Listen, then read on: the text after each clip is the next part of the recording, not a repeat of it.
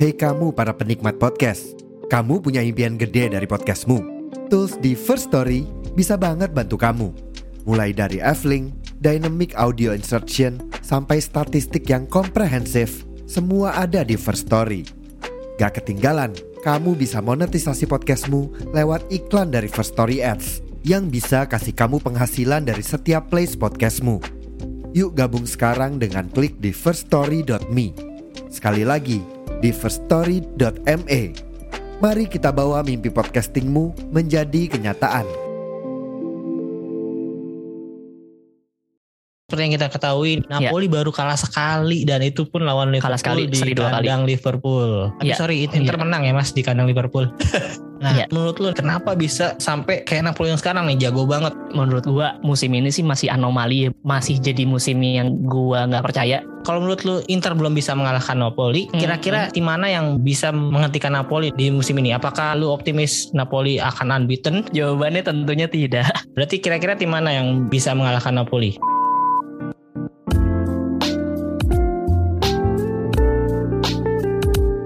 Halo selamat pagi, siang, sore, dan malam Kembali lagi di Interest Podcast Podcast yang bahas berita-berita seputar Inter Yang dikutip dari sosial media dan portal Portal berita olahraga Sebelum kalian lanjut mendengarkan episode ini, gue mau disclaimer dulu kalau episode kali ini di tag sebelum Piala Dunia 2022 Qatar. Jadi mohon maaf kalau ada informasi yang tidak up to date. Terima kasih, selamat mendengarkan.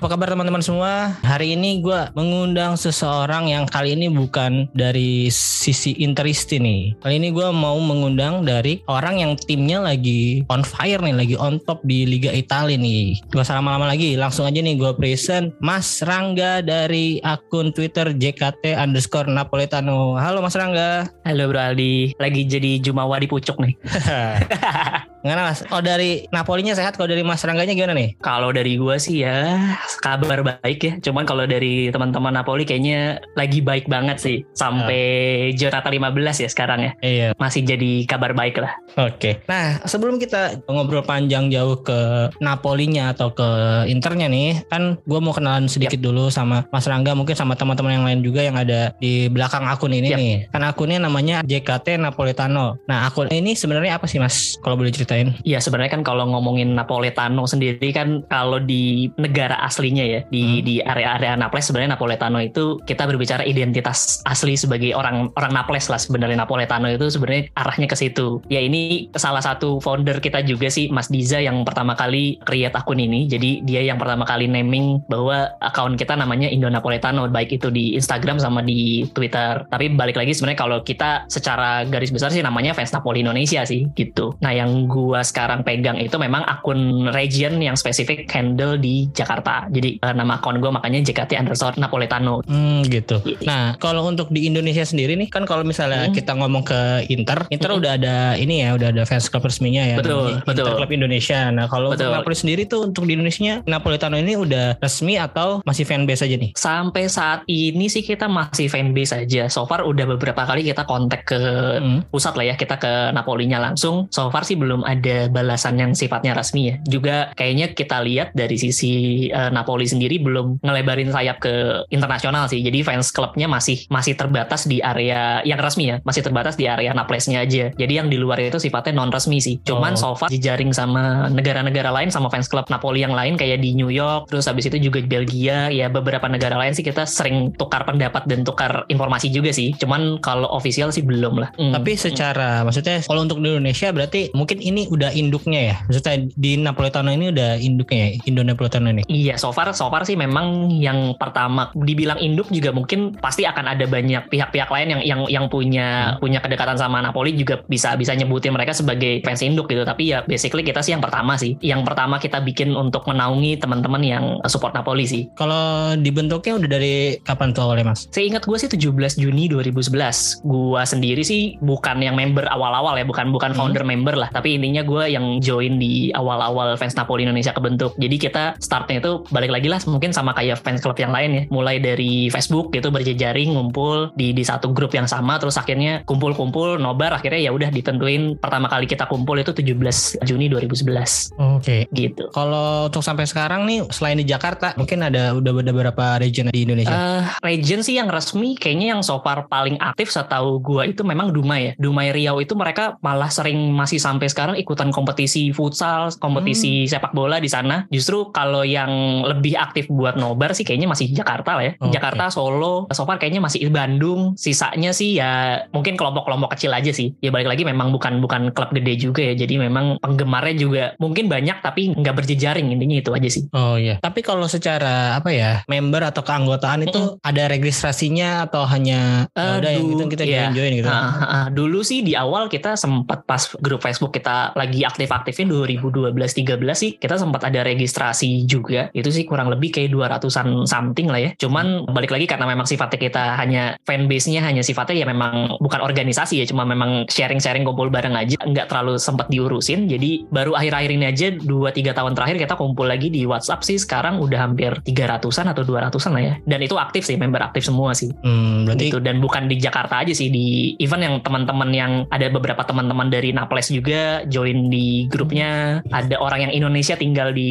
Italia atau di Naples juga join di kita juga gitu sih Oke oke. Berarti Hmm. secara jumlah keanggotaan mungkin bisa dihitungnya dari yang di dari grup itu tadi ya. Mm, mm, mm, mm. Grup karena memang dari- kita belum ada registrasi yang sifatnya Hmm. khusus kali ya atau registrasi secara official gitu ya Oke, nah nih untuk teman-teman yang mendengarkan podcast kali ini mungkin ada yang fans Napoli juga nih. Ya. Kalau mau join gimana caranya mas? So far sih masih simpel lah ya paling nanti tinggal DM aja either ke Twitter tadi JKT underscore Napoletano atau Hmm. Indo underscore Napoletano begitu juga dengan Instagram Indo underscore Napoletano DM aja nanti kita bakal kontak balik sih biasanya atau di Facebook juga fans Napoli Indonesia tinggal kontak aja mau join di grup nanti biasanya kita bakal invite di grupnya itu lebih aktif sih dibandingkan grup-grup di Facebook mungkin udah udah outdated ya Oh berarti untuk sekarang yang paling aktif Ah, ah, WhatsApp nanti tinggal Hmm. DM ke masing-masing Hmm. media sosial kita aja nanti paling nanti kita invite di WhatsApp grup kita sih kalau untuk Mas Rangga sendiri yang megang Mm-mm. Twitternya atau tiga-tiganya? So far sih semuanya gue yang pegang Oh, sih. iya. Jadi kita ada pecah beberapa admin sebenarnya sih. Cuman setiap admin ini kayaknya masih masing-masing megang semua media sosial. Cuman gue sih yang cukup aktif di Instagram sama di Twitter. Yang di Facebook ada teman-teman kita lagi satu lagi yang yang memang handle aktif di sana. Oke oke oke. Berarti ya tadi seperti yang udah Mas Rangga bilang, silakan teman-teman kalau ada yang fans Napoli tapi belum menemukan wadahnya nih, Ya. kalian bisa join ke fans Napoli Indonesia atau eh, JKT Napolitano atau Indo Napolitano. Pokoknya Ya, tinggal search aja di semua sosial media, Facebook, Ya, betul. Instagram, Twitter. Ya. Kalian tinggal hubungin aja. Nah, Ya. kalau untuk Mas Rangganya nih, gue juga pengen Mm-mm. kenalan sedikit Mm-mm. lebih dalam nih. Gimana awal mulanya bisa menjadi fans Napoli nih? Sebentar, sebelumnya kalau boleh tahu umur Mas Rangga nih umur berapa sekarang? Gue tahun ini 28. Oh 28 Hmm, Berarti hmm. kelahiran 94 lah ya Ya, betul. Nah betul. ini kan untuk fans-fans yang kelahiran 90 Napoli ini mungkin agak jadi salah satu tim yang anti mainstream lah kalau di Iyalah, untuk- bukan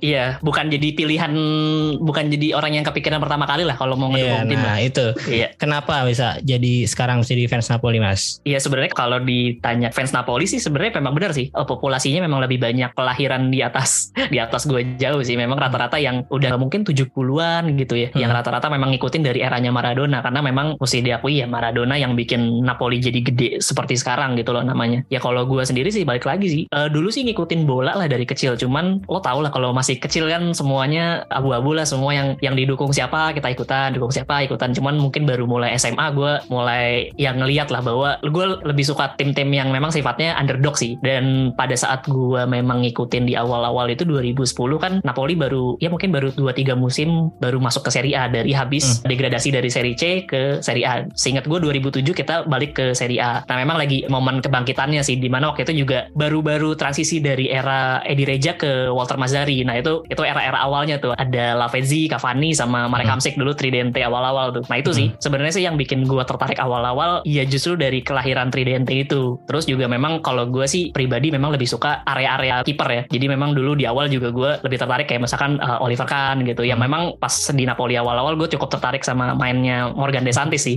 Iya. Iya, karena dulu kiper tipikal ak- akrobatik banget lah gitu. Jadi itu yang bikin gue ya agak tertarik lah ngikutin Napoli awal-awal terus nyari wadah. Ya udah akhirnya keterusan. Oke. Bukan sesuatu yang diniatin tapi akhirnya dari 2011 sampai sekarang. Oh, tapi sebelum untuk me, ya mungkin lu meng- memutuskannya tahun 2011 tapi sebelum Hmm. kan sebelumnya lu udah tahu tentang sepak bola Betul. pasti sebagai uh, anak kecil yang laki-laki apalagi pasti kan suka main bola. Nah itu ada tim lainnya nggak sebelumnya tuh sebelum memutuskan untuk Napoli? Jatuh cinta pertama gue selain Oliver kan ya Francesco Totti. Jadi jatuh cinta pertama gue malah sama Pangeran Roma dulu. Mhm.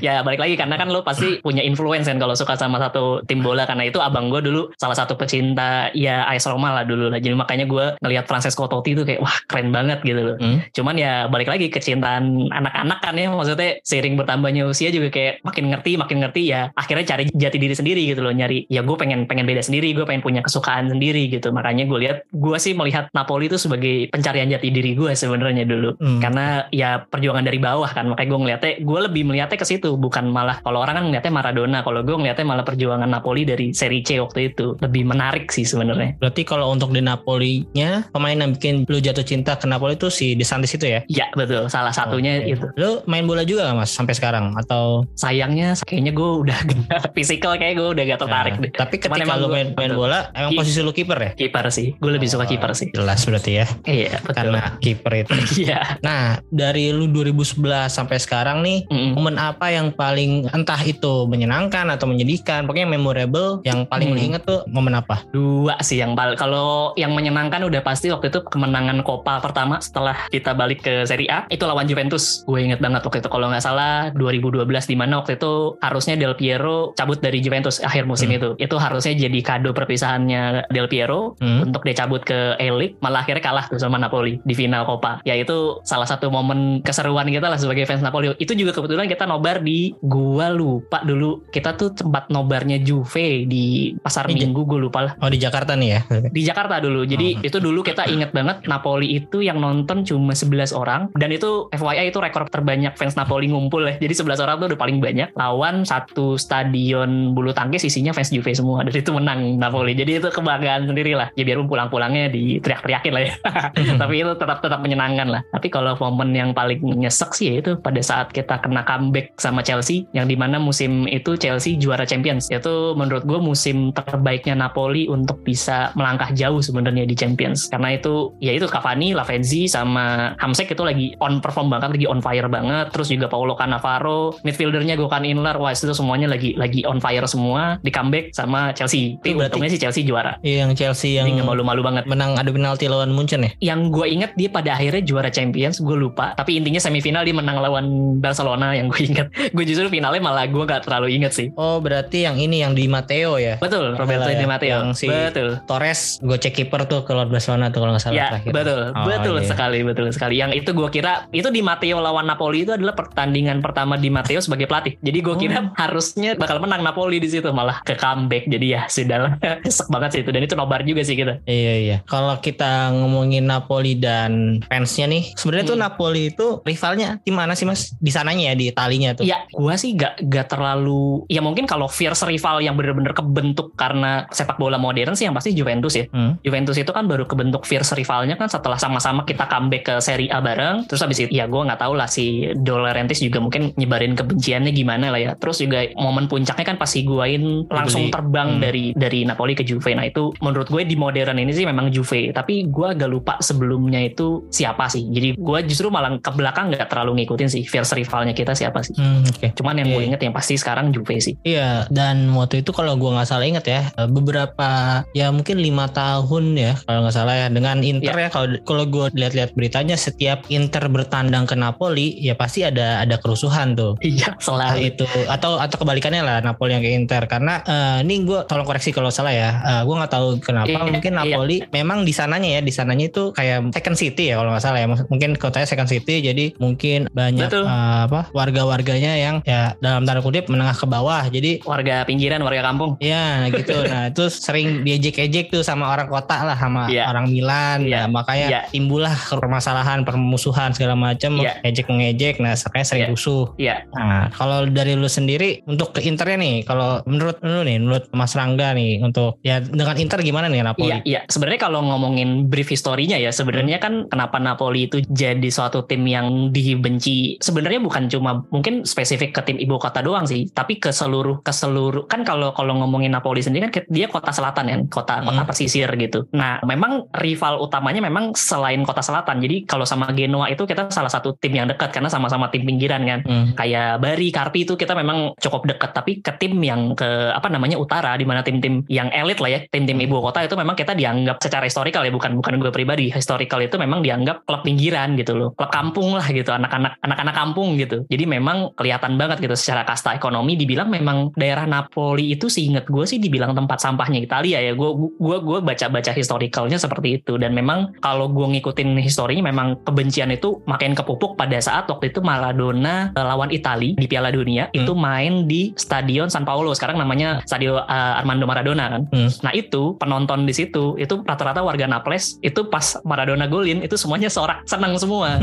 Nah, itu awalnya dari- ya. Eh, Iya, karena basically sebenarnya orang Naples dukungnya Maradonanya bukan bukan Argentinanya karena kan Hmm. memang ya historical itulah Hmm. masalah Maradona sebagai dewanya mereka. Nah, itu memang mantik kebencian yang lebih besar lagi. Selain memang warga Naples ngerasa dipinggirin, jadi mereka merasa tidak pernah diprioritaskan lah sebagai warga Italia. Makanya mereka selalu merasa, ya gue warga Naples tapi gue belum tentu warga Italia gitu. Nah, tapi kalau gue pribadi ke Inter sih, kalau gue sih ngelihat ya Inter beberapa tahun terakhir apalagi yang abis dilatih sama Conte sih menurut gue progresif banget ya. Gue pribadi sih nggak nggak pernah ada ngerasa rival-rival kecuali Juventus memang sih. Karena ya gue gue nggak tahu lu lu sama juga apa enggak gue cara berpikir ya. Kalau gue sih asal bukan Juventus sih masih fine fine aja. Iya iya.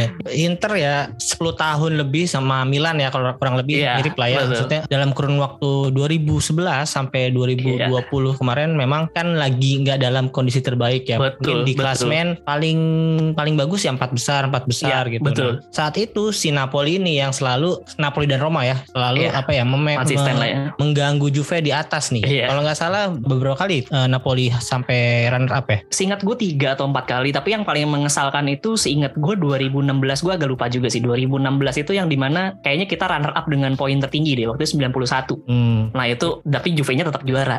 Poinnya Itu- 95 atau 98. Oh beda tipis ya. Paling tipis beda berapa? Beda, berarti? ti- beda tipis itu kayaknya yang itu deh yang kita eh, sempat kepleset di akhir itu yang kalah lawan Fiorentina. Tapi itu itu kayaknya kita runner up dengan poin tertinggi sih 91. Oh iya sih. Karena kayaknya nggak pernah nggak pernah Hmm. kejadian lagi. Iya itu itu ibaratnya ya cuman ya cuman Juve dan Napoli doang yang Iya. lari gitu ya, yang lari yang Iya lain betul udah betul. jaraknya jauh banget. Betul, betul. Ya memang akhirnya yang gue udah mulai ngikutin ya rata-rata fans Napoli mulai ngikutin bola lagi kayaknya tiga musim terakhir karena udah mulai variatif gitu loh. Secara champion ini juga juaranya udah mulai variatif. Dilihat bahwa Serie A udah lebih punya daya tarik lagi gitu dibandingkan dulu ya. Itu-itu aja kedikdayaannya di satu tempat aja gitu. Iya, kalau dari terakhir kan 2019 itu Juve, 2020 Iya, betul. itu juara Covid Inter, nah terakhir Iya. 2021 ya Milan berarti udah tiga Betul. musim terakhir udah juara udah beda-beda nih. Betul. Dan nggak menutup kemungkinan juga tahun ini juara akan ganti lagi nih. Mungkin kemungkinan Napoli kan. Hopefully. Nah itu ya, ya mungkin dengan semakin ketatnya Variat- Liga iya. Italia ini berganti-ganti pemenangnya, ya, harusnya sih ada nilai lebih atau ya pokoknya Iya. lebih positif lah ke depannya. Harapannya sih gue juga berharap begitu sih bahwa the beauty of Serie A udah bisa muncul lagi lah. Apalagi kita lihat ya Inter juga mainnya juga udah lebih menyerang juga. Milan juga mainnya Spartan banget gitu. Napoli juga oke, Lazio, terus juga Atalanta. Kemarin Udinese juga salah satu yang bermain progresif gitu loh. Jadi harapannya sih Serie A bisa bisa jadi daya tarik kedua lah setelah Premier League gitu loh. Amin amin amin. Iya. Supaya kita nggak repot lagi ya nyari streamingan ya, biar Iya, di lagi di TV. Itu doang. Harapannya biar gampang gitu kalau mau nonton. Oke oke. Nah kalau dari 2011 sampai sekarang nih, Hmm. gue mau nanya tentang best starting eleven lu nih. Ya. Kalau dari eh, pelatih dulu deh, pelatih yang paling oke menurut lu selama lu jadi Versapoli, Masih Maurizio Sarri buat gua. Nggak belum tergantikan sih. Mesti Ya. diakui belum belum prestasi terbaiknya Sari itu Kopa ya? Sebenarnya tidak Copa Apa betul. Kopa ya berarti. Copa Copa. Mm, mm, mm. Ya semuanya juga kayaknya prestasi terbaiknya sih Copa ya. Mm. Kalau untuk formasi, formasinya dulu berapa nih? Sebenarnya gue pribadi kayak lebih suka 352. Cuman ini formasi yang kayaknya Napoli udah lupakan semenjak Walter Mazzari pindah dari Napoli jadi ya 4 4 2 3 1 aja. Oke, dari Betul, kiper dulu nih. Udah pasti ya kalau kiper. ya? Morgan De Santis lah. Gue masih mengakui dia sebagai kiper akrobatik terbaik biarpun kadang banyak blunder juga. Oke, kiper pasti Morgan Santis. Eh, untuk duet back tengahnya ada siapa aja Back mas? Tengah gue akan memilih Kim Min Jae sama Koulibaly. Wih, Kim Min Jae Itu- padahal baru setengah musim nih. Wah bro, itu Kim Min Jae itu setengah musim ini dia udah ngebuktiin bahwa dia pemain paling bagus di antara semua back yang pernah gue lihat lah. Mainnya solid banget sih. Kim Min Jae biarpun terakhir lawan Indonesia ada sedikit blunder ya, cuman itu membuktikan bahwa dari 15 pertandingan satu kesalahan itu perfect lah buat seorang Kim Min Jae lah. Kalau Bali mungkin gue gak usah ceritain banyak lah ya. Historicalnya dia di Napoli sangat oke okay lah. Iya, Cukup tangguh lah. Mm-mm. Ya, ya, ngeri sih ngeri. Gue kira lu bakal milih si Cannavaro itu. Cannavaro Navarro itu salah satu pilar pendukung kebangkitannya Napoli tapi bukan dia yang salah satu Hmm. pemain terbaik lah. Kalau ngomongin teknik, ini kalau gue milih base 11 pasti pilihannya secara teknikal lah. Navarro oke. nggak masuk. Sayang. Iya, Cannavaro aja nggak masuk apalagi Campagnaro ya. Waduh, Campagnaro. gue justru bakal masukin dia kalau suruh pelapis bek kanan gue masukin Campagnaro Oh, sih. iya. Karena masih oke sih. Iya sih, iya, mu- iya mungkin Campagnaro di prime-nya salah satu kenapa alasan si Inter waktu itu membeli Iya, karena betul. dari Karena kesayangan ya. Mazzari juga ya. Ah, ya dibawa tuh sama si Mazzari. Tapi Cuman cuma ya, semusim doang ya prime-nya ya di, di Inter setelah itu juga langsung drop banget kayaknya. Hmm, hmm, hmm, iya. Hmm. nggak terlalu memorable juga sih sebagai pemain Inter betul. ya. Betul, kurang berkesan lah. Oke, untuk bek kanannya ada siapa? Di kanan agak sedikit galau gue antara Di Lorenzo sama Christian Maggio. Cuman kayaknya gue pilih Di Lorenzo aja. Karena Oke. secara teknis gue bisa bilang kayaknya Di Lorenzo itu baik dalam menyerang. Begitu juga ketat di belakang sih. Jadi gue Hmm. bisa bilang kayaknya Di Lorenzo lebih oke. Oke, Mm. untuk bek kirinya Aduh sebenarnya ini salah satu kelemahan yang Napoli punya sih. Sampai sekarang menurut gue belum ada yang semewah itu sih. Tapi menurut gue kayak sampai saat ini masih Mario Rui lah. Tapi Mario Rui juga kayaknya minimal banget lah menurut gue karena skill passingnya dia salah satu yang paling bagus. Cuman di defense mungkin belum belum terlalu oke lah. kayaknya dulu gue pernah apa ya lupa nih cuman eh, Hmm. pemain bek kiri eh, dari Amerika Latin siapa ya cukup- Carlos Zuniga, Zuniga. ya Zuniga nah itu nggak masuk Eh, kok Zuniga menurut gue ya tipikal pemain, pemain Amerika Latin lah. Punya skill tapi bukan sesuatu pemain yang bisa main di tim player gitu loh. Hmm. Jadi banyak banget memang area-area yang sering kebobolan dari dari Zuniga gitu. Biarpun ya memang speednya oke banget sih. Mm-mm. Jadi kayak itu Kolombia ya atau Ekuador kayak Gua Kolombia ya sih. kayaknya Kayak Kolombia deh, kayak Kolombia deh. Oke, maju ke depan ke dua gelandang nih. Berarti double pivot ya. Iya betul. Sebenarnya ini agak agak menyusahkan sih. Tapi yang pasti pertama gue akan pilih Lobotka. Lobotka prime-nya dia musim ini menurut gue nggak ada lawan sih. Mungkin gue bisa bilang ya versi B-nya dari Iniesta kali ya di prime-nya dia. ya. Karena banyak juga sih kalau kalau kita dengar komentar dari beberapa komentator Serie A mereka bilang ini sih mirip banget kayak Iniesta sih permainannya karena bener-bener teknikal banget, passingnya juga. Sampai sekarang kayaknya passing akurasi dia masih di atas 90% sampai Jonathan 15. Jadi kadang itu sampai 95%, 92%. Jadi memang dia penggerak rodanya Napoli lah sampai saat ini ya. Secara postur juga nggak terlalu tinggi ya, mirip-mirip kayak Iya, Iniesta tadi betul. ya. Heeh. Dan menurut gue dua musim terakhir buat gue flop sih. Selain musim ini ya, gue kira Hmm. bakal jadi pemain yang nggak jelas aja pembeliannya. Ternyata musim ini oke banget sih. Dia dari klub apa sih Mas? Jerman ya? Klub Jerman Dan ya? sebelumnya bukan Celta Vigo. Oh, Diambil dari Celta Vigo, betul. Dan dia juga satu negara sama Marek Hamsik sih, sama-sama Oh, Slovakia. Slovakia. Ah, Oke. Mm-mm. Nah, satu lagi yang memang mainnya agak ke depan yang agak gua pusing sih. Pilihannya ada banyak sebenarnya, tapi memang menurut gue pilihannya antara Fabian Ruiz sama Zielinski sih. Cuman kalau gua lihat dari pergerakan sih, gua akan lebih milih Fabian Ruiz sih, karena memang permainan ke depannya lebih powerful, ball playingnya juga lebih oke di Fabian Ruiz. Biarpun Zielinski, kalau gua agak-agak cukup concern sama permainannya di musim ini sih, karena entah kenapa kayaknya agak lebih nahan kali ya, mungkin untuk Piala Dunia ya. Oh iya. Dia Polandia ya? Polandia betul. Dan Berarti- kayaknya banyak juga pemain Serie A tuh yang di Polandia tuh. Iya, ada Hmm. ya itu Sesni terus milik Kemarin Dragowski juga kalau nggak cedera masuk ya, juga. patah ya. Heeh. ya itu. Jadi gue mungkin lebih milih Fabian Ruiz sih. Lobotka sama Fabian Ruiz. Sip, maju ke depan Hmm. sedikit di, Di- IMF ya. Oke, di IMF nih agak banyak sebenarnya opsinya ya. Iya. Cuman gue akan pilih Dres Mertens yang jadi second striker. Oh. Jadi gue milih di sini Dres Mertens agak sedikit ke depan mainnya. Jadi bukan Hmm. agak sedikit ke belakang. Jadi di sini mungkin nanti gelandangnya kerjanya akan lebih kerja ekstra ya karena ada hole yang ditinggalin sama Mertens agak sedikit ke depan gitu. Ada ada banyak nama sih Iya. di attacking midfielder. Cuman gue agak sayang gitu buat ninggalin nama Mertens dari nama pemain terbaik gitu atau best eleven karena kan dia juga top scorer terbanyak liga kan sekarang. Hmm, gua kira Gitu. eh, bakal masukin ini Hamsik. Itu dia. itu itu jadi pilihan berat sih tapi kalau kalau disuruh apa namanya dibikin top list sih mungkin dua nama itu bakal jadi ngisi posisi yang sama attacking midfielder. Tapi sorry itu saya gue masih milihnya Mertens. Mertens ya. Gak populer sih pilihan gue. Iya, karena Mertens versatile juga ya bisa di situ, bisa Iya. di kiri, kanan, bahkan di Iya. center forward juga Iya. bisa. Di eranya Sari dia Nah. dipakai sebagai striker dadakan dan sangat works banget gitu. Iya. Sayangnya begitu teman-teman.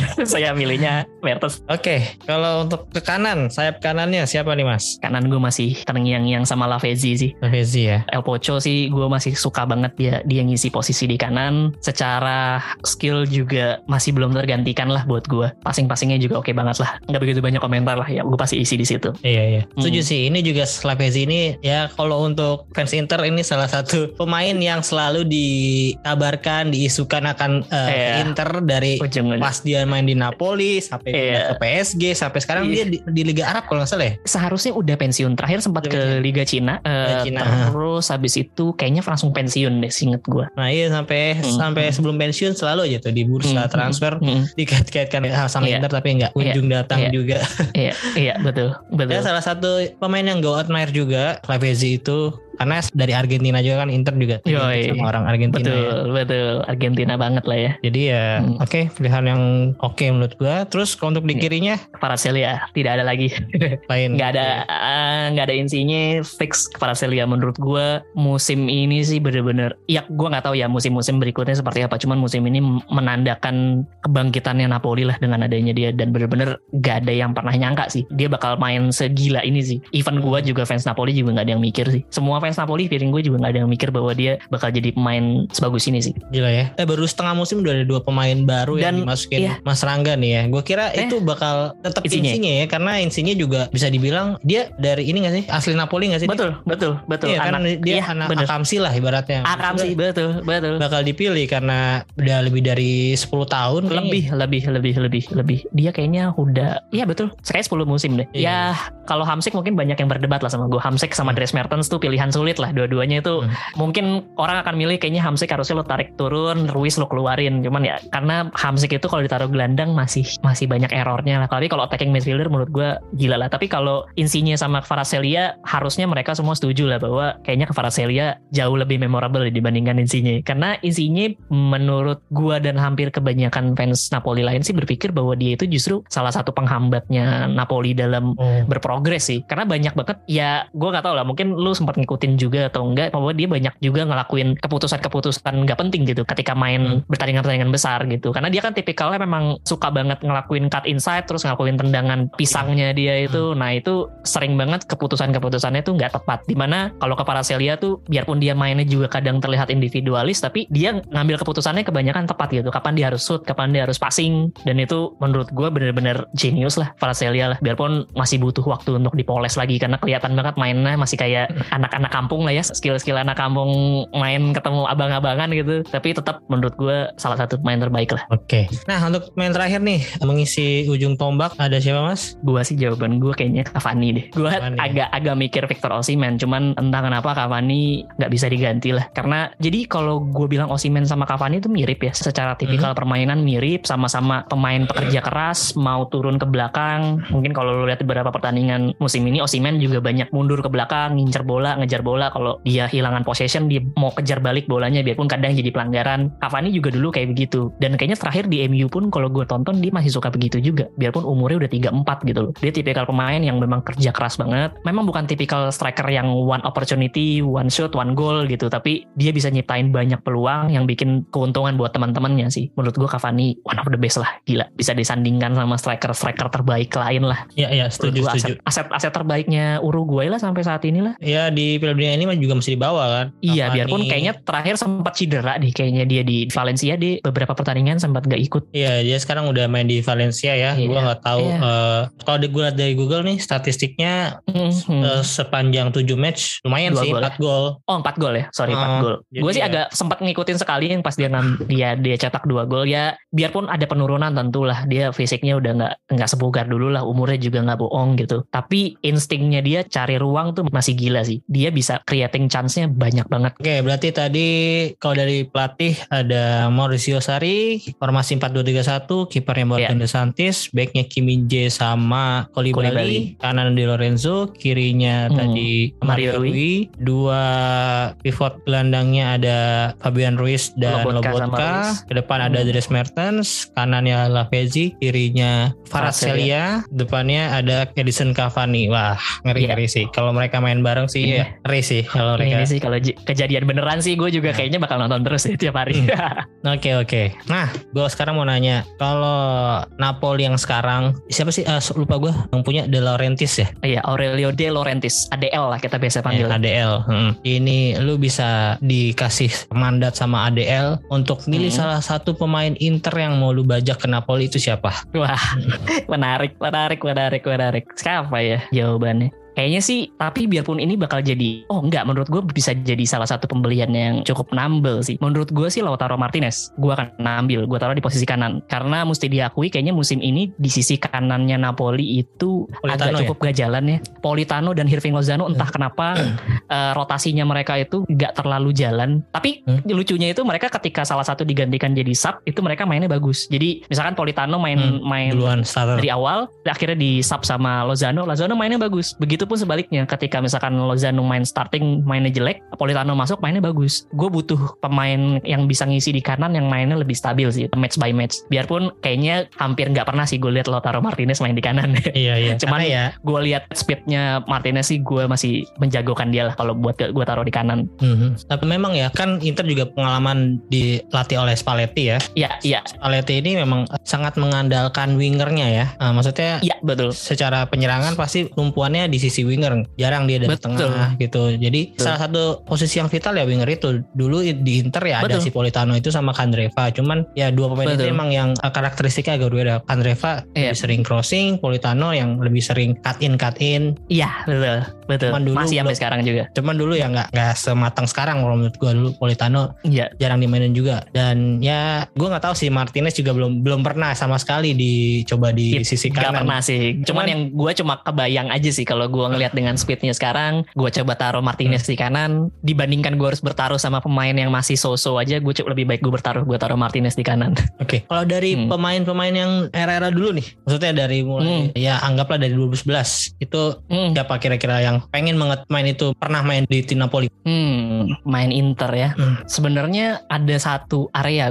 cuman gue agak agak lupa apakah bener eh, dia sempat main di era itu atau enggak. Cuman gue Vidic itu terakhir dia sempat di Inter kan ya. Cuman gue nggak tahu Iya. di era 2011-an gak sih? Eh, di atas sih kayaknya di era-era Pak Erick Thohir 14 Oh, iya, kalau nggak salah 14 15. karena menurut gue masih punya taji sih Vidic waktu itu terakhir-terakhir di Inter pun juga masih pemain yang luar biasa Hmm. mengerikan gitu karena menurut gue sekarang di musim ini kayaknya Napoli butuh banget sih kalau gue harus tarik ke sekarang ke, dengan kebutuhan tim sekarang sih kayaknya di belakang Kim Min Jae butuh butuh pairing yang lebih Hmm. stabil juga Hmm, menarik sih. Gue kira melihat Inter yang di bawah 2010 dia eh mengerikannya itu lu bakal pilih Iya. nama-nama kayak Adriano, iya Ibrahimovic, Maicon, Betul. Sneijder. Betul. Ternyata Kalau lo suruh pilih gue nama-nama itu kayak gue ambil semua deh bro. Karena waktu itu Napoli lagi busuk-busuknya. Tapi kalau lo pilih gue harus ngambil nama itu terus gue fitting dengan tim yang sekarang kayak gue butuhnya itu. Karena balik lagi kan menurut gue kayaknya kita harus ambil sesuai dengan kebutuhan. Karena nanti kalau ngambil yang terlalu banyak ditumpuk juga jadi sayang aja. Sayang skillnya. Oke oke. Nah sekarang kita ke no days nih. Kita maju Ya. ke Napoli yang sekarang seperti yang kita ketahui nih. Udah di 15 gelar Hmm, kata 15. ditambah 6 di UCL berarti 21 Ya. kurang lebih. Napoli baru kalah sekali dan itu pun lawan Liverpool Kalah sekali, di seri dua kali. kandang Liverpool. Tapi Ya. sorry Inter Ya. menang ya Mas di kandang Liverpool. Ah, betul. Tapi kan kita menang juga di kandang Napoli. Iya iya iya. Nah, gantian gantian. ini tuh menurut gua sangat luar biasa ya. Seri juga cuma dua kali. Di Serie A seri dua kali. gue agak lupa Lecce sama Fiorentina sih inget gue. Heeh, di UCL nggak pernah karena Hmm. lima kali menang satu kali kalah. Nah, Iya. menurut lu nih, kenapa bisa sampai kayak Napoli yang sekarang nih jago banget nih Napoli? Iya, ini menurut gua musim ini sih masih anomali ya buat gua masih jadi musim yang gua nggak percaya. Biarpun musim lalu sebenarnya kan Serie A hampir mirip ya Napoli. pergerakannya unbeaten berapa match, poinnya juga terpaut beberapa poin dari apa saing-saing yang lain. Kayaknya di Jonathan 15 musim lalu tuh kita 36 deh poinnya. Musim ini kita 41 gitu. Cuman menurut gue musim ini jauh lebih menjanjikan. Cara kombinasi timnya juga terus juga dari semangat juga beda jauh. Tuh biasa kalau lo tanya sama gue atau mungkin lo tanya fans Napoli yang lain kita semua gak ada yang nyangka sih anomali ini kenapa bisa kejadian. Karena kalau lo tahu kan sebenarnya musim ini kita kehilangan pilar hampir 4 atau 5 men. Mungkin ya. Fabian Ruiz terus juga dari Insigne. dari belakang deh Ospina terus hmm. habis itu Koulibaly, Fabian Ruiz, Insigne, Dres Mertens itu aja udah hmm. itu lima starter yang musim kemarin tuh main terus loh. Terus bisa digantikan musim ini dengan sempurna dengan ya dengan pemain-pemain sisanya gitu yang mungkin musim lalu mainnya juga naujubillah mengkhawatirkan gitu loh. Meret juga oke okay lah Meret mungkin musim ini masih ada yang perlu ditingkatkan gitu. Tapi mainnya udah jauh lebih percaya diri. Terus juga Lobotka luar biasa gila gitu gue nggak nyangka. Terus pemain-pemain penggantinya kayak Kim Min dan Paracelia juga luar biasa. Gue gak bisa ngomong banyak mereka oke okay banget. Jadi kalau lo tanya sama gue gue sih tuh biasa gue nggak gue nggak nyangka kenapa bisa gitu. Karena kalau lo lihat taktik mungkin sebenarnya perubahan utama sih menurut gue ya itu ada terjadi di poros uh, lini tengah. Karena dulu itu lini tengah kita banyak dirotasi. Ya mungkin dulu Diego Demi terus juga posisi defensive midfieldernya kita gonta-ganti gitu. Kadang juga Anguissa suka ngisi di situ. Lobotka justru malah musim lalu agak jarang gitu main di situ. Surprisingly musim ini dari semua pemain yang kita bilang bagus tadi hanya Lobotka yang belum pernah nggak main di semua pertandingan UCL sama uh, Serie A. Jadi mungkin menurut gue ya uh, salah satu faktor pembedanya sih musim ini Lobotka sih buat gue mm-hmm. prime-nya Lobotka sih ngubah pace-nya Napoli banget dan ini yang nggak pernah kejadian di Spalletti di mana tengahnya jalan dulu kan semua jalan dari yeah. area sayap sekarang mm. tengahnya itu lebih solid hmm. Lobotka ini umurnya berapa ya mas? Lobotka gue agak lupa antara 27 atau 28 jadi juga sebenarnya late bloomer juga sih hmm. Lobotka bukan sesuatu yang kayak musim sebelum-sebelumnya oke okay banget nggak pernah sih hmm, karena iya dia sempat overweight juga di Napoli awal-awal musim yeah. dia masuk di overweight oke okay. berarti kalau menurut lu key player musim ini Lobotka atau ada buat gue balik lagi itu? kayaknya kayak gue sama fans Napoli kayak banyak musuhannya deh kayak jawaban gue agak beda sih. Faraselia Osimen itu menurut gue tentu jadi jadi pembakar di lini depan gitu. Nggak ada mereka yang nggak jalan lah semuanya. Yang nggak ada gol-gol sebanyak itu musim ini. Tapi kalau nggak ada Lobotka yang ngalirin dari area belakang ke tengah menurut gue kayaknya sepak bolanya Spalletti nggak jalan deh. Karena entah ya. kenapa area tengah itu jadi pengalir yang cukup baik sih. Biarpun area wing backnya juga gerak juga ya. Cuma menurut gue nggak ada Lobotka sih agak aneh sih gue lihat di musim ini. Kita buktiin aja nanti di semester 2 dari Januari sampai akhir musim kalau Lobotka nggak main kayak gimana permainan Napoli tapi feeling gue kayak Lobotka jadi key player sih musim ini oke okay, kalau kita lihat dari secara statistik ya memang ya. saat ini yang terbaik si Farad Celia ya dengan 65 betul. assist. Betul. Ini Statistik sama betul. lah sama Osimhen. Osimhen 9 betul. gol assist, 11 gol kontribusinya ya. Betul. Di bawahnya mungkin betul. ada Mario Rui dengan 5 assist nih. Iya, passing-passingnya nah, oke banget. Nah, ada satu nama nih yang menurut gue nih menarik juga ya. Gue jarang nonton Napoli ketika live, cuman ya. uh, untuk highlightnya gue hampir setiap match gue tontonin dan pemain yang menurut hmm. gue agak sedikit menarik perhatian itu si Anguissa itu. Anguissa ini megang bolanya menurut gue kuat banget secara fisik juga bagus. Betul. Ternyata dia baru 27 tahun juga nih dan betul. untuk kontribusi golnya 2 gol 3 assist. Menurut gue sebenarnya hampir semua skuad Napoli musim ini punya kontribusi yang lumayan oke okay ya dari lini belakang sampai lini depan. Kecuali kiper mungkin yang masih main hanya Meret doang sampai sekarang. Jadi gue bisa bilang semua pemain punya kontribusi mungkin lo sempet tadi sebut juga Anguissa. Biarpun sebenarnya dari musim lalu Anguissa tuh salah satu pemain yang menonjol sih. Karena di mana area gelandang itu sebenarnya nggak terlalu jalan tapi Anguissa itu yang holding midfieldernya yang paling cukup oke. Okay. makanya dia sebenarnya paling banyak ditaruh agak ke belakang midfieldernya. Jadi yang lain dua midfielder di depan tuh mainnya lebih bebas. Karena memang secara postur dan secara fisikal secara teknik pun juga Anguissa juga salah satu yang terbaik. Jadi salah satu berlian yang kita temuin dari Fulham yang degradasi yeah. musim musim sebelumnya. Jadi menurut gue sih jadi salah satu main kunci juga sih tapi ya balik lagi tadi kalau lo lihat dari mungkin dari historical starting eleven hanya Lobotka dan Kim Min jadi salah dua pemain yang yang nggak pernah dijadikan sub seingat gue.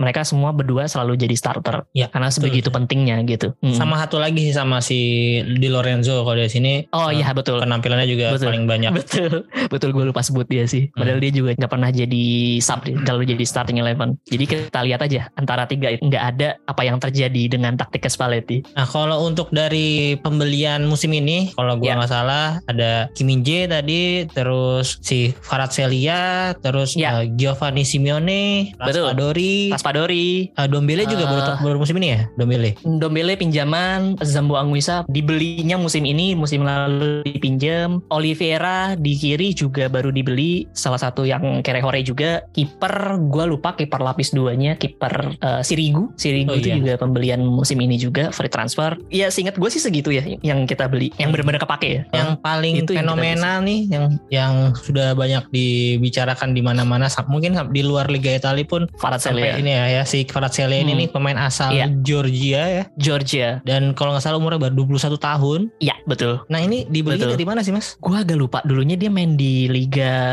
Rusia ya kalau nggak salah main di Hmm. Liga Rusia terus dipinjemin ke salah satu gue lupa antara klub Georgia juga cuman gue nggak nggak terlalu inget ya klubnya karena kita tuh sebegitu nggak nggak notisnya bahwa ada pemain namanya Kvaratskhelia gitu even gue pun juga nggak segitu notisnya karena gue juga nggak terlalu hafal sih Dan ya dari statistik tadi gue udah bilang eh, sangat luar biasa ya di musim pertamanya Iya, bahkan betul. kayaknya ini liga besar pertamanya ya. Tadi kan Iya, bilang tentu, main di Rusia betul. atau di liganya sendiri. Ini Mm-mm. scoutingnya Napoli bisa nemu dari mana, Mas? Nah, gue sih agak cukup kagum ya sama si Gintoli itu salah satu tim scoutingnya kita atau atau dari sisi back endnya kita yang bisa bisa scouting banyak pemain-pemain yang luar biasa gila gitu. Mungkin terakhir yang kalau di kita di komunitas kita cukup ramai itu bahwa dia sempat bilang bahwa dulu sebelum dibeli Dortmund, eh, Haaland itu udah sempat secara secara harga udah udah cocok dari Leipzig sama Napoli. Cuman Hmm. akhirnya Haaland milihnya ke Dortmund. Jadi segitu bagusnya scoutingnya dari Gintoli untuk milih pemain-pemain yang yang ke depannya bisa jadi pemain gila dan dan sebenarnya kan agak banyak ya pem- pembelian-pembelian yang cukup wah dari dari Napoli mungkin Osimhen juga salah satu yang Ya, yang mahal. yang oke gitu loh terus dan Kim Min Jae musim ini juga gila juga gitu. Jadi Gintoli menurut gue musim ini dan musim-musim sebelumnya sih banyak nemuin bakat-bakat oke sih. Dan dia Iya. kalau nggak salah join itu eranya Sari masuk ke 2016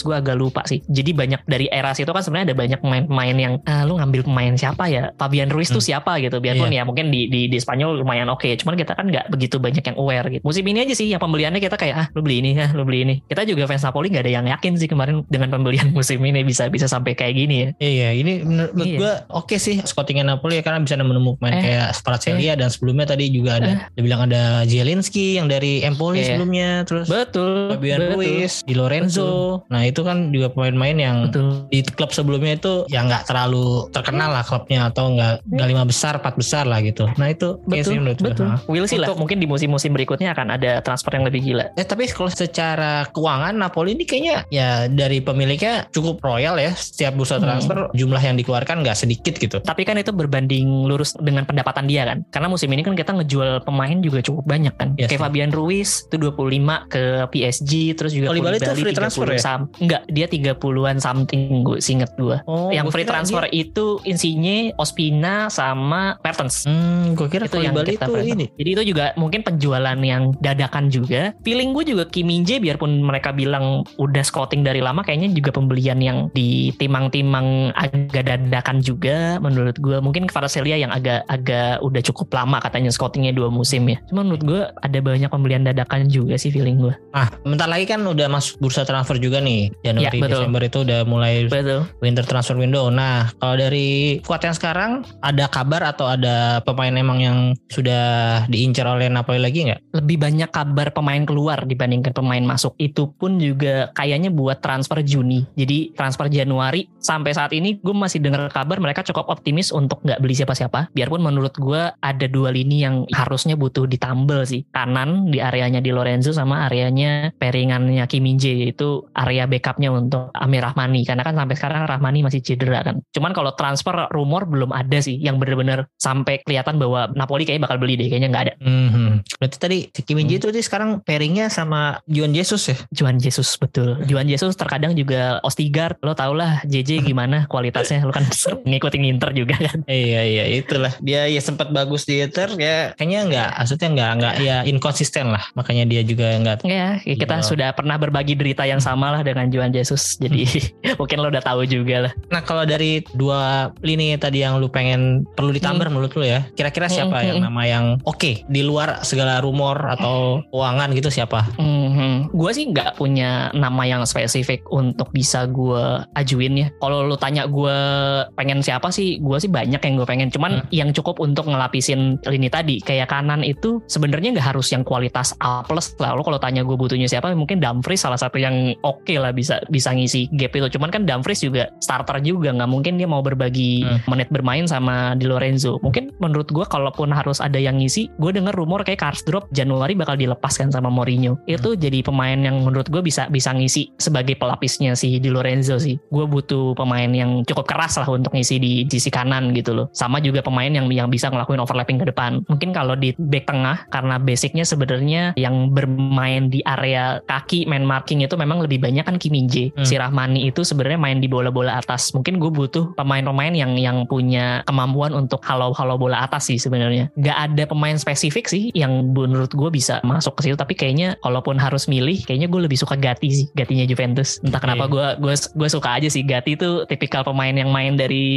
dulu. Seingat gue main dari Serie B kan dia Hmm, musim ya. lalu ya. Ya itu pemain-pemain yang gue suka lah, pemain yang merangsek dari liga bawah ke liga atas. Menurut gue Gatti boleh lah buat jadi pelapisnya Rahmani sih. Oke oke. Itu kan dari secara squad ya tadi yang lo bilang lini back kanan Mm. sama back tengah ya. Kalau dari Mm-mm. segi taktikal atau strategi yang masih kurang dari Napoli sekarang ada nggak mas? Kemarin yang sangat kelihatan dan ini kayaknya bakal jadi ujian nanti di Januari. Yang gue perhatiin banget memang Spalletti itu memang taktiknya fluid ya. Maksudnya pergerakan pemainnya fluid. Tapi balik lagi mereka tuh banyak ngegunain crossing-crossing ke area kotak penalti buat ngasilin gol. Itu terbukti dari banyaknya headingnya kayak Osimen sama Simeone juga gol-gol headingnya cukup banyak biarpun ada tendangan dari luar kotak penalti. Tapi kemarin itu kelihatan mati banget pada saat lawan Empoli. Lawan Empoli biarpun kita menang 2-0 ya. Tapi itu babak pertama 45 menit awal itu kita bener-bener gak gerak sama sekali. Bolanya biarpun ball possession 75 banding 25 itu bola nggak ngalir sama sekali ke depan. Gak masuk sama sekali ke kotak penalti dimentahin sama sekali. Jadi menurut gua akan sangat sulit nanti lawan Juve kalau misalkan Paletti nggak punya backup taktik atau plan B atau plan C untuk melawan tim-tim yang bermain grendel ke belakang, bermain yang tactical fully defending. Itu bakal jadi musuhnya Napoli banget. Karena Ya. lawan Liverpool yang kalah 2-0 pun sebenarnya cukup Ya. imbang sampai menit-menit Mhm. terakhir. Cuma masalah lost fokus aja di akhir. Iya iya. Tapi iya, musuhnya akan lawan yang tactical defending banget udah bubar deh Napoli sih. Mhm. Dan kebetulan juga gue kemarin habis ngobrol juga sama teman-teman dari Juventini. Nah, Iya. Tepatnya ada sebuah podcast juga namanya Signora Podcast. Podcastnya Ah, oke. Ya. dengan Mas Tio. Dia juga ini sih. Menurut dia Juve ini udah mulai membaik. Apalagi karena faktor Allegri yang sekarang udah nggak terlalu keras kepala nih. Dalam enam pertandingan terakhir kan dia menang semua kan. Mhm. Nah, dan itu menurut dia Allegri udah balik ke Allegri yang sebelum-sebelumnya itu. Yang di mana Allegri Iya. yang selalu kayak adaptif dengan strategi tim lawan. Jadi Mhm. tim lawan misalnya mau menerapkan apa, ya Allegri akan mengcounternya dengan apa gitu. Nah, Iya, Menurut kontra mereka, lah ya. hmm, Dan itu ya kayaknya mungkin- itu pun juga terjadi di Spalletti sih menurut gue di Spalletti pun hampir mirip dengan case-nya Inzaghi ya karena to be honest kayaknya menurut gue Spalletti bukan tipikal pe- pelatih yang kayak taktik gitu loh. Dia kebetulan musim ini pemainnya sangat bisa adaptif dengan taktiknya Spalletti jadi sangat terlihat bagus. Cuman akan kelihatan banget ketika ketemu tim-tim yang bisa nge-counter taktikalnya Spalletti kebukti kemarin abis Empoli ngehajar kita di babak pertama bener nggak bisa punya peluang ya itu bisa dimanfaatin banget sih buat dipelajarin sama tim-tim lawan. Terutama Juventus dengan kontra footballnya dia. Dia dia ya udah nggak nggak peduli main cantik yang penting gue bisa nge-counter permainan lo aja. Dan yang gue lihat sih kalaupun nanti harus ketemu Juve menurut gue yang harus dilakuin dari babak pertama dari menit pertama ciptain satu gol dulu. Itu ngubah permainan sih. Karena itu yang terjadi ketika Juve ketinggalan sih. Karena itu gue sempat nonton lawan tim Israel itu ya. Gue sempat Ya, nonton dan itu bener-bener mati sih. Nggak jalan taktikalnya. Ya hopefully ya hopefully Spalletti bisa nyiptain kayak gitu ya kita lihat nanti aja Nah, sebelum jauh-jauh Napoli akan melawan Juve di tanggal 14 Januari. Nah, pertandingan pertama di tahun depan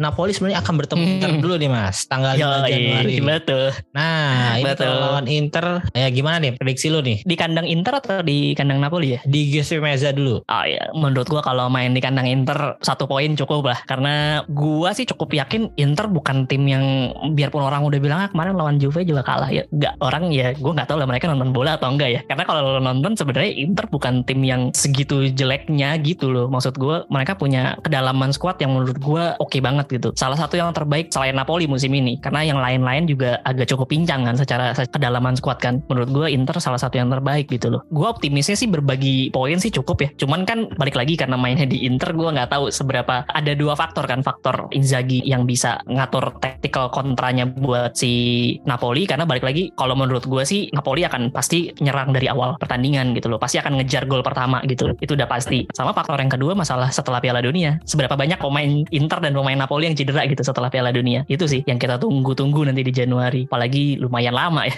Jadi Iya, gue nggak tahu sih. Gue berharapnya berbagi poin lah. Iya iya. Kalau dari gua sih, kalau dari gua ya mungkin walaupun main di kandang Inter ya secara dari klasmen pun eh, Napoli udah sangat oke banget dan Iya. cara permainan yang gue lihat mungkin nggak dari live-nya langsung tapi dari highlight Iya, juga iya. sangat mengerikan lah ya kalau tim-timnya kayak Inter yang kalau menurut gua ya ini secara pertahanan lagi kurang baik dari betul. 15 pertandingan aja udah 22 Iya, gol. ya betul. Salah satu yang paling banyak kebobolan lah ya. Iya, Inter tuh cuman kalah kebanyakan gol cuman dari tim kayak Bolonya, Salernitana, Spezia, Cremonense, Sampdoria, Verona yang dia Iya. tim-tim papan Iya. bawah semua. Jadi Iya, ya menurut iya. gua cukup mengkhawatirkan apalagi Napoli ini punya Iya. kecepatan semua nih di Betul. depannya. Kalau dari Betul. karakteristik yang gue baca dari WhoScore ini Iya. finishing scoring chance-nya very strong, attacking set piece very Iya. strong, Iya. dari wings-nya very strong, creating chance through individual skill-nya juga very strong. Betul. Uh, areal duel juga lumayan, style of play-nya dari counter attack. Nah, ini tuh Iya. tim-tim yang ibaratnya uh, jadi kryptonite-nya Inter dengan back-backnya juga sekarang mungkin yang paling punya speed ya Skriniar sama Bastoni. Sisanya Vrij, betul. HCRB itu ya pemain-pemain yang yang lambat menurut gua. Iya betul. Itu jadi salah satu ya banyak titik tumpu gol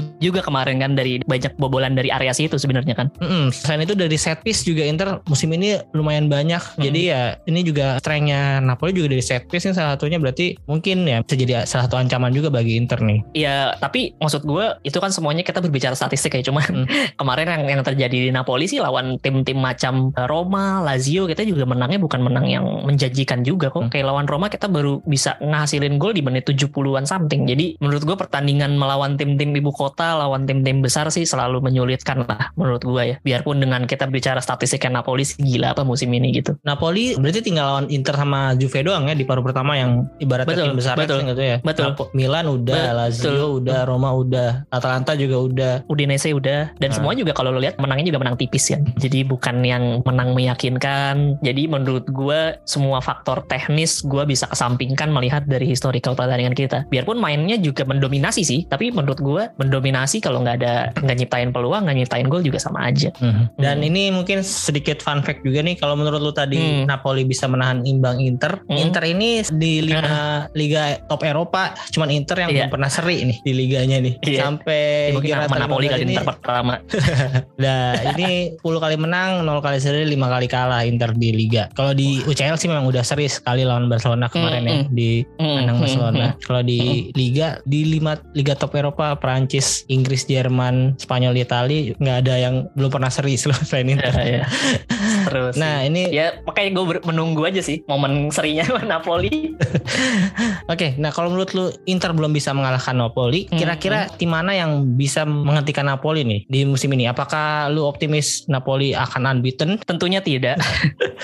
Jawabannya tentunya tidak. Ya berarti kira-kira tim mana yang mungkin bisa mengalahkan Napoli? Gue entah kenapa belum melihat bahwa tim-tim besar bisa punya kans buat ngejatohin Napoli ya. Cuman gue justru melihat tim-tim yang bermain di area papan tengah ke bawah yang nggak punya beban sama sekali buat jadi juara justru yang bakal ngejatohin Napoli. Mungkin salah satu tim yang menurut gue cukup diwaspadai nanti di area tandang kalau nggak Salernitana, terus juga Monza itu bisa jadi tim-tim yang Bolonya terakhir yang kita Hmm. nyaris kalah juga lawan Bolonya. Itu menurut gue kayak tim-tim macam-macam gitu yang bisa nanti pasti kalah lucu aja sih menurut gue bakal-bakal yang kayak gitu. Justru lawan tim-tim yang papan atas bisa kalah, betul, bisa kalah tentu. Itu bukan bukan suatu hal yang mustahil, tapi menurut gue malah bisa bermain yang lebih imbang gitu karena mereka jaga pride. Eh kita sampai saat ini masih jadi tim yang terbaik gitu loh. Menurut gue itu yang bakal dibawa sama Spalletti dan Napoli gitu. Tapi lawan tim yang papan tengah ke bawah, nah feeling gue bakal kepleset di situ sih. Kita Hmm. lihat aja nanti ya di Januari ke depan.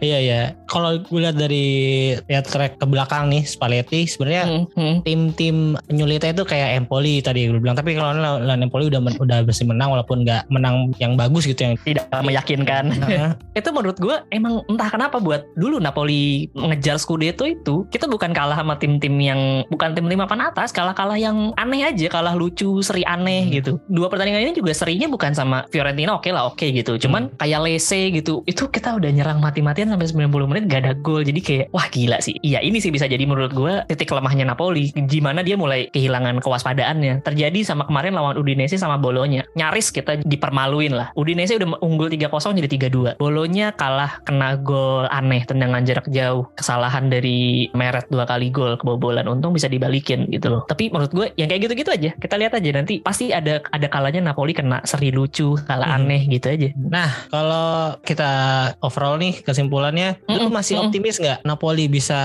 menjuarai Serie A atau mendapatkan Scudetto musim ini? Seri A gue akan bilang optimis mungkin setelah Januari kita berhasil lewatin ya dan hasilnya positif. Jadi menurut gue karena ini kan masih 15 pertandingan ya belum Hmm. belum terlalu kita bisa conclude the business bahwa Napoli bisa jadi jawara Seri A terlalu dini juga. Tapi menurut gue challenger untuk tiga besar udah bukan hal yang mustahil. Intinya harus kejar 90 poin untuk jadi juara itu aja titik akhirnya. Tapi yang gue cukup yakin setelah Januari kalau kita bisa lewatin dengan baik karena kan pertandingan ada cukup banyak tuh. Hmm. Gue agak lupa 5 atau 6 pertandingan Serie A dan satu pertandingan Copa kan. Ketika itu kita bisa lewatin mulus Januari 100% gue yakin pasti Scudetto aman. Tapi kalau itu masih mengganjal ada beberapa kekalahan nggak penting atau misalkan permainannya juga nggak meyakinkan atau ada cedera-cedera nggak penting ya mungkin ya nggak tahu lah bisa Scudetto atau nggak. Tapi gue sampai saat ini kepercayaan diri gue masih cukup oke lah bahwa bisa melanjutkan tren positif sampai Januari selesai gitu. Jadi jawabannya ya mungkin iya kalau buat gue. Ya kalau dari poin musim lalu kan Napoli berada di peringkat 3 ya dengan 79 poin. Iya.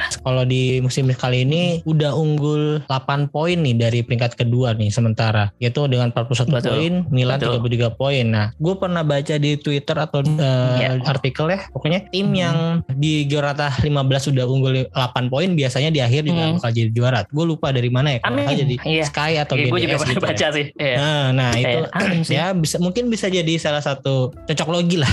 Iya betul Cocok lagi. cuman kan saya sudah cukup lama jadi fans Napoli dan sudah sering di PHP-in. jadi saya tentu akan mengikuti sampai akhir musim seberapa baik Napoli bisa melangkah jauh. Ya hopefully kalau emang pasti Scudetto ya kena peles lah bareng sama orang-orang Napoli kita ngerayain. Iya ya, berarti lu secara ini udah ada rencana ya untuk kena plus nih. udah ya so far sih sama beberapa teman-teman fans Napoli juga udah mulai kepikiran karena kita lihat juga secara akomodasi kayak nggak terlalu mahal terus juga kayaknya momentum kapan lagi gitu seumur umur nggak dukung Napoli mungkin yang lebih tua daripada gue juga mikir dari setelah Maradona belum ada lagi kebanggaan yang bisa dibanggain gitu juara Serie A gitu atau apa pun kalau Copa kan ya udahlah piala ciki lah ya kisahnya tapi menurut gue Serie A ya pembuktian banget bahwa kita udah berhasil menjuari Serie A lagi gitu setelah sekian lama itu aja sih Ya baik lagi tapi sekarang di musim ini ada salah satu faktor X yaitu Piala Dunia ya yang betul segala sekali. macam kemungkinan masih bisa terjadi. betul Di Euro kemarin aja Tentu. Inter kehilangan Erikson ya. Siapa yang bakal ngira Iya betul. seorang main bola ya itu kan jarang banget ya walaupun udah ada beberapa Iya. kasus ya, kolaps di tengah Hmm, pertandingan apalagi masalahnya Hmm. jantung ya ya amit-amit sih ya bakal ada kejadian lagi di Piala Dunia Hmm. ya gue mendoakan lah semoga semua pemain in- mau di Inter atau Juventus Napoli atau liga-liga lainnya semoga nggak ada yang cedera parah seperti Iya. Erikson Amin. kemarin atau yang patah-patah atau yang apalah jangan Hmm. sampai ada lagi karena biasanya ya di World Cup ini yang biasanya ya kan mereka membela negara masing-masing ya maksudnya Iya. Pasti all out lah mereka. all out banget lah ya ya Hmm. kemungkinan itu bisa Hmm. terjadi kapan aja. Hmm. Nah kalau dari Napoli sendiri ada lima pemain ya yang main di World Cup tahun ini. Iya betul betul. Eh, kalau nggak salah ya tadi si Zielinski dari. Polandia, Hmm. Anguissa tuh Kamerun apa Hmm. Senegal ya? Kamerun. Oh berarti senegara sama Onana ya, Onana sama Iya, Choupo-Moting. betul. Terus ada siapa Sama lagi? Oliveira di kiri, dia di Uruguay. Oh iya, Oliveira Terus juga ya. juga ada Kim iya Kim Min Jae, Kim Min Hmm. Jae di South Korean. Terus Hmm. juga apa namanya Chucky Oh, si Irving Lozano. Lozano itu di di Meksiko. Heeh. Oh si Untungnya sih nggak nggak terlalu banyak sih. ya? si oh Simhen Nigeria ya gue Oh, kira Simhen. Nigeria nggak lolos. Gue Ah. juga gue juga baru tahu di akhir-akhir ternyata Nigeria nggak lolos Piala Dunia. Mhm. Kalah lawan Ghana atau oh, gue lupa lah. Pokoknya terakhir-terakhir kalah lah. Dan untungnya juga Simeone untungnya tidak dipanggil di menit-menit akhir sama Argentina. Jadi Mhm. banyak top pemain yang akan banyak yang fit untuk sampai di Januari hopefully lah. Semoga Nah, nggak ada yang berarti- aneh-aneh lah. Menurut lu nggak dipanggil itu sebuah keuntungan? Ya buat Napoli musim ini iya sih. Sayangnya gue harus akui begitu ya. Hmm. Ya gimana lagi soalnya kalau Tapi sampai di- dipanggil dan cedera kan gimana? Iya sih. Mm. Oke mungkin nih yang terakhir nih mas Tadi kan kita udah bahas ke Serie A Tadi lu mungkin masih opti- optimis untuk bisa Scudetto Kalau di UCL Hmm. sendiri gimana nih? Di UCL kan eh, Napoli akan bertemu dengan Frankfurt ya Di betul. 16 besar Nah Hmm. kalau menurut lu Napoli bakal melangkah sejauh mana di UCL musim ini? yang pasti lawan Frankfurt gue masih masih cukup optimis lah biarpun mereka juara UEL ya tapi menurut gue secara kedalaman squad juga Napoli masih jauh lah ya biarpun mereka juga beberapa pertandingan terakhir mulai mulai nemuin pace-nya tapi kan kepotong Piala Dunia jadi mungkin bakal ngerapihin lagi lah di Januari jadi menurut gue kalau lawan Frankfurt bisa menang tapi kalau tanya gue di Champions selama kocokannya bagus gue cukup pede sih semifinal sih selama Final. kocokannya bagus tapi kalau kocokannya nggak bagus tiba-tiba ketemu Bayern Munchen atau ketemu City setelah lawan Frankfurt saya, saya tidak tahu kabarnya seperti apa tapi ya gue berharap kocokannya bagus sih Ya gue juga Hmm. berharap sebagai fans Inter uh, berharap tim Italia akan melangkah jauh. Iya. Kan tinggal At Milan. kita semifinal masuk semua gitu Ya amin amin amin. Italia masuk semua Milan juga lawan Chelsea. Milan lawan Eh Tottenham, Tottenham, seingat sorry. gua. Iya. Milan lawan Tottenham. Tottenham Gue rasa Milan bisa melewati itu karena Hopefully. uh, Conte juga nggak terlalu bagus di Eropa. Iya, Tottenham hopefully juga. ya. Uh, Hopefully tapi kan kita tahu Conte dengan taktikal pragmatis dia di Eropa kan selalu jalan aja gitu punya taktik yang ngadi-ngadi dia sebenarnya. Ya lo tau lah di Iya Inter sih, juga iya. taktikal Conte juga ngadi-ngadi Hmm. bisa sampai seperti dapat Serie A. Iya, ya iya. gue masih gue masih 50-50 sih kalau Milan sih. Kalau Inter gue cukup pede lawan Porto. Ya ya. Ya walaupun Porto juga Hmm. itu di grup kemarin bisa juara grup impresif sih karena bisa menyingkirkan Iya, betul. Atletico dan Betul. Leverkusen ya. Eh Diogo Leverkusen. Costa sama Mehdi Taremi sih. Iya, Mehdi Taremi Taremi gila oke. sih. Gila tuh orang. Ya hopefully Napoli bisa melangkah sejauh mungkin selain Hmm. untuk Liga Iya, Italianya koefisien. eh, koefisien tapi juga sebagai fan Inter ya biarin Napoli semakin terpecah konsentrasinya. iya benar. benar juga ya. Di- Susah juga di, di jawabannya. Itali kan ya bakal inilah pasti nanti ada masanya akan memilih salah satu yang lebih Iya. diprioritaskan gitu. Betul pasti itu udah pasti. Kita lihat saja. Oke oke, Ah, nggak Hmm. terasa nih kita udah hampir satu setengah jam lebih kita ngobrolnya mas. Wah, Terima iya. kasih banyak untuk Mas Rangga udah mau ngobrol-ngobrol bareng gue di Interisme Podcast. Sama-sama Bro Aldi. Ya sorry banget ya kalau sampai selarut ini ternyata. Santai Bro. Semoga kapan-kapan kita bisa ngobrol lagi mungkin Amin. dengan member eh, Jakarta Napoletano yang lainnya juga biar bisa kenalan juga gue.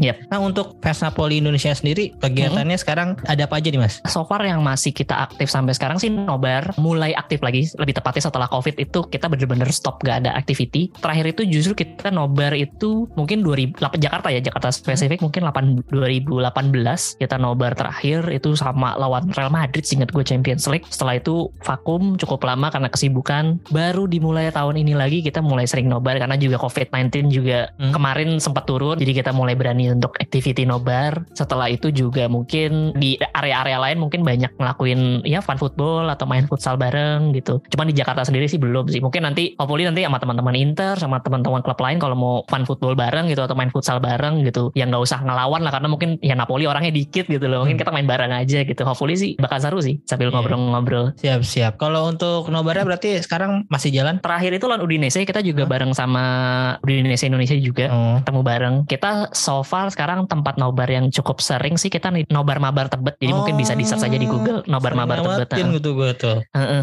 Itu Iya. juga kita baru pakai untuk tiga atau empat kali nobar sih. Kebetulan yang punya juga fans Milan. Jadi ya balik lagi teman-teman Serie A semua Hmm. lagi pada ngumpul di situ. Oke oke sih seru seru Hmm. seru. Berarti untuk teman-teman yang fans Napoli tuh jangan lupa tadi di awal gue udah bilang silahkan kalau kalian mau join kontak aja langsung sosial medianya JKT Napoletano untuk kalian yang Ya. domisili di Jakarta ya. Kalau yang Mm-mm. itu mungkin bisa eh, hubungin Indo Napoletano dulu ya. Ya, Untuk iya, ada betul. Di, di regional lain ada atau enggaknya. Betul, Kalau di Jakarta betul, tadi betul. ya bisa kontak langsung Mas Rangga tadi. Ya pokoknya harapan gue juga untuk Serie A untuk eh, komunitas fans klubnya semakin ini ya berkembang ya. Apalagi Yap, di amin. Indonesia biar Mm-mm. disiarin lagi yang penting disiarin sama Amin. TV nasional. Iya, biar nggak usah bayar-bayar lagi ya. Hmm. Oke kalau dari Mas Rangga ada harapan lainnya nggak? Gak ada sih, gue cuma lebih berharap mungkin kita kita bisa lebih solid lah dibandingkan fans-fans Premier League atau yang lain gitu, biar lebih banyak tim-tim Serie A yang mau tur Asia gitu. Iya, Kayak kita udah dia. lama ya nggak punya tur Asia, apalagi tur Indonesia. Heeh. Butuh banget gue. Biasanya mampir ke Gitu. Singapura doang ya, Iya. jarang Indonesia. Iya betul. Napoli itu udah pernah belum sih, Mas? Indonesia. Napoli sayangnya tidak, tapi yang pernah ke sini itu cuma Uruguay. Oh, iya. Eh, waktu itu pernah ke sini pas zamannya Cavani sama Gargano. Jadi temen salah satu fans Napoli kita sempat Mhm. dapat foto bareng. Cannavaro juga pernah ke sini kan. Mhm. Kita pernah dapat foto bareng. Maradona juga kayak pernah ke sini juga ya. Tapi nggak pernah secara satu tim gitu sih. Napoli secara satu tim belum pernah sama sekali. Paling deket tuh sama Indonesia ke mana? Thailand ya? Apa belum pernah juga ya Ih, Asia? Belum, tur Asia seingat gue belum. Itu pun juga kayaknya Super Copa di China, Oh, Asia. iya. Hmm, Yang waktu itu zaman dulu kita pernah di China kan. Hmm, hmm, hmm. Ya Inter pun terakhir 2012 dan pas udah sama Pak Erick Thohir malah nggak pernah lagi nih ke Iya, sayang banget deh. Eh, Padahal pernah sih waktu itu kita ICC ada- juga ICC tapi di Oh, Singapura oke. sih Hah, ke Indonesia nggak pernah Hmm. lagi Hah. ya jadi itulah Gitu. harapan-harapan para fans Liga Italia semoga Mm-mm. bisa terwujud dalam beberapa tahun ke depan amin Amin, amin, amin, amin. Udah. Jadi ya itu aja mungkin informasi yang bisa gue sampaikan ke kalian dan ini menurut gue obrolan sangat seru karena gue bisa kenalan dengan fans klub lain nih apalagi Iya. Napoli yang baru kali ini nih biasanya gue cuma ke Juventus, Milan, Roma nah ini Napoli Iya sih. eh, sudut pandang baru dan informasi yang baru juga buat gue jadi terima kasih banget Hmm. Mas Rangga Hmm, Sama-sama bro. Terima kasih juga untuk teman-teman yang udah mendengarkan episode kali ini. Jangan lupa di follow akun sosial media gue. Kalau di Instagram ada Interisme Podcast, kalau di Twitter ada Interisme Media. Terus follow dan subscribe akun Spotify, Noise juga boleh atau di Pogo FM sekarang juga ada. Kalian terserah mau dengerin di mana. Udah gitu aja. Arif Widersi, Forza Inter.